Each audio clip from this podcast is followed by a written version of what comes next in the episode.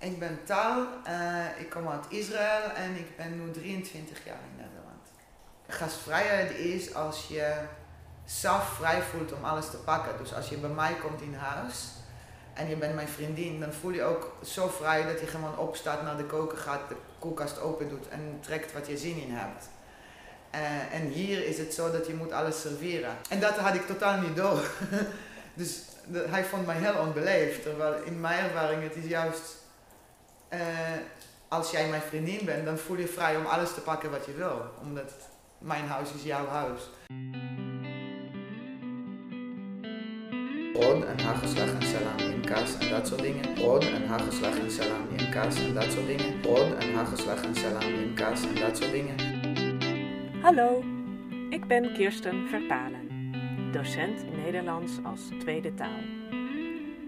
In deze podcast spreek ik met nieuwkomers in Nederland over hun culture shock en hoe ze die te boven kwamen. Dat zou je eigenlijk beter aan mijn Nederlandse man moeten vragen. Tal die zal altijd uh, uh, alle lichten uh, vol aanzetten.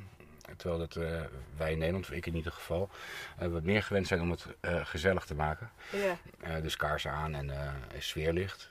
En dat is iets wat ze in Israël helemaal niet kennen. Okay. die manier van knussigheid of zo. Nee. Ja, dus dat vond ik wel een groot verschil. Ja. En hoe is dat bij jullie thuis? Zijn de lichten dan fel aan? Of? Uh, totdat ik thuis kom. En dan uh, doe ik alle grote lichten uit. En dan uh, doe ik een sfeerverlichting aan.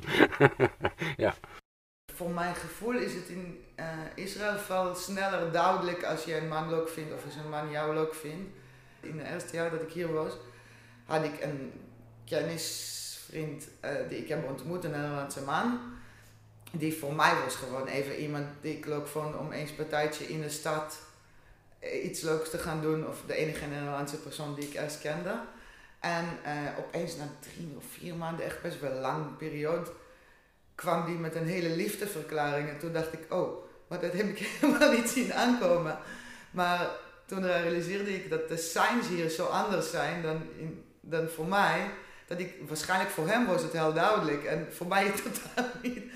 Weet nog, we gingen ergens oud eten of zo en daarna wandelen en opeens kwam die met een uh, poster van de film Romeo en Julia die toen populair was. En ik dacht, shit. Je kunt deze podcast vanaf het voorjaar van 2021 beluisteren via Spotify, iTunes of je favoriete podcast-app. De afleveringen horen bij het boek Inburgering B1 van Ad Appel en Kirsten Verpalen. In het boek staan bijbehorende oefeningen, maar je kunt de podcast ook zo beluisteren. Tot binnenkort!